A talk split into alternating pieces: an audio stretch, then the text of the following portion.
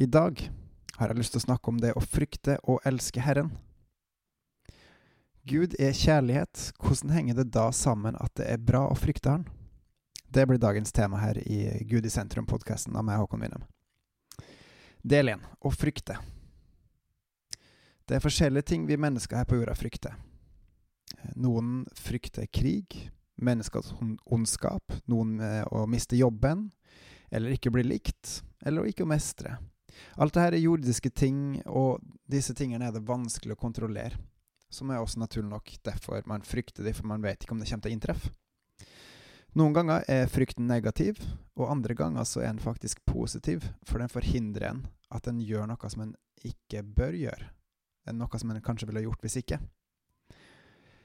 I Bibelen så sier Gud at man skal både frykte Han, og samtidig ikke frykte, ikke være redd. Et eksempel på det siste er når gjeterne eh, ved Jesu fødsel sitter på marka og plutselig ser en engel og blir livredd. Så får du beskjed om å ikke frykte, for engelen kommer med en god beskjed. Eh, og også profeten Jesaja, som levde 700 år før Jesus, han fikk beskjed fra Gud 'frykt ikke, for jeg er med deg'. Det er, naturlig, det er tydeligvis naturlig å frykte Herren Gud, men du trenger altså ikke frykte Han dersom Han vil noe godt. Da er du trygg. I eh, salmene og ordspråkene så står det å frykte Herren er begynnelsen på visdom. Hva betyr det? Skal vi faktisk frykte Herren? Som tidligere nevnt, så er det vanlig å frykte det ukjente her på jorda. Det er noe som den jordiske visdommen forteller oss. Eh, for det er noe vi opplever at det kanskje er ting som vi ikke har kontroll på. Eh, men her er det snakk om en annen type visdom. En visdom som er fra Gud, som er av hans kaliber, som er av hans eh, allvitenhet og godhet. Og den handler rett og slett om at begynnelsen på denne visdommen, det er faktisk å frykte Han. Hvorfor skal vi frykte Han? Da tenker jeg at det korte, enkle svaret er rett og slett at Han har skapt alt og alle i himmelen og på jorda. Han har en frelsesplan. Enten er du innenfor, eller så er du utenfor. Enten så får du evig liv, eller så får du evig død. Og hvis du ikke eh, har noe frykt for han, da går du fortapt. For da følger du ikke han. Og frykter du hans makt, så vil du bøye deg for han, og følge han og det han sier. Det er begynnelsen på visdom, hvis du bøyer deg for han fordi du frykter for hva, det, hva som kan skje hvis du ikke følger han. Gud har all makt i himmel og på jord, og det å ikke frykte han er rett og slett livsfarlig, faktisk dødelig. Og derfor så bør faktisk både du og jeg frykte og følge han. Og merk, merk, det her er begynnelsen. Noe jeg skal komme mer tilbake til senere, for Gud er jo kjærlighet. Å frykte Herren er å hate det onde, står det i ordspråkene. Hva er ondt? Hva er det onde? Gud sier gjennom Bibelen at det enkle er å svare på det er å gjøre mot Guds vilje. Gud vet alt. Han kan alt, og han sitter med selve fasiten. Han vet hva som er godt og ondt. Og gjennom Bibelen så viser han eh, mange eksempler på dette, hvor han beskriver menneskers onde natur og hans gode vilje, både hver for seg og sammenblanda. Eh, å hate det onde er rett og slett å frykte Gud. For da følger du Guds hjerte, da følger du Hans kjærlighet for denne verden og for menneskene som er her. Så å hate det onde er rett og slett godt. Og det er jo veldig logisk.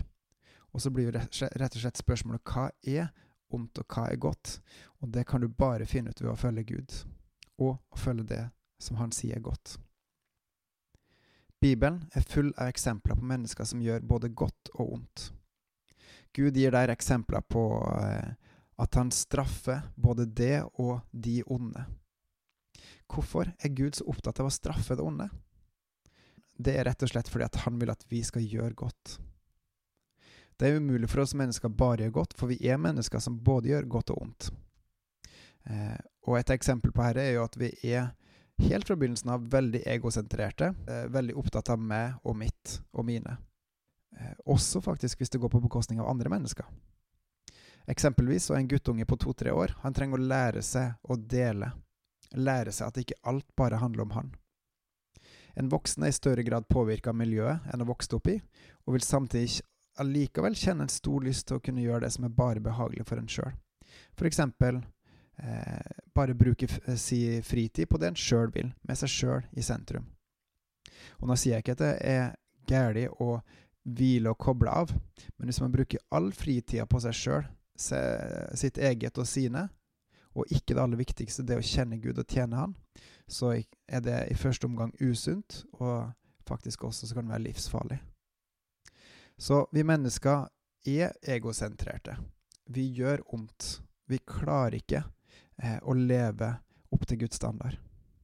Så Gud, han straffer. Både nå i dag, og han kommer også til å gjøre det på dommens dag.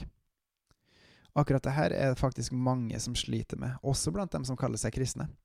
Hvordan kan Gud som er god, straffe?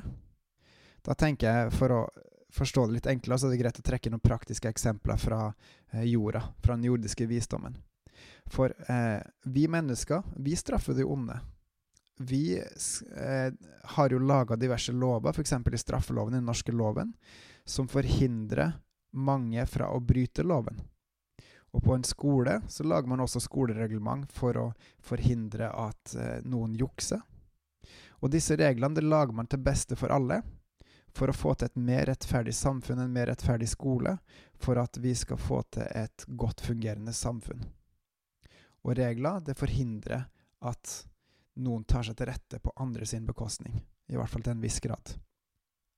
Når vi mennesker gjør dette, bør ikke Han som har skapt verden og alt som er i den, han som vet hva som er godt og ondt, og som til og med advarer oss om alle de negative konsekvensene det er ved å være ond, ved å ikke følge Han, bør ikke Han på samme måte få lov til å straffe det onde?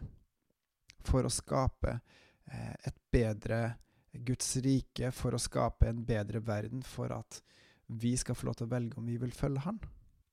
Han er jo en mye mer rettferdig dommer enn vi mennesker klarer å være til sammen. Noen ganger så er det sånn at vi mennesker sliter med å vite, finne ut hva som ble gjort, hva som ikke ble gjort. Men han, han veit nøyaktig hva som er tenkt, sagt og gjort. Han har stålkontroll. Og jeg er utrolig glad og takknemlig for at det er Gud som skal dømme oss på, dommen, dømme oss på dommens dag, og ikke meg eller deg. For med Gud som dommer så vet vi at vi faktisk har en rettferdig dommer.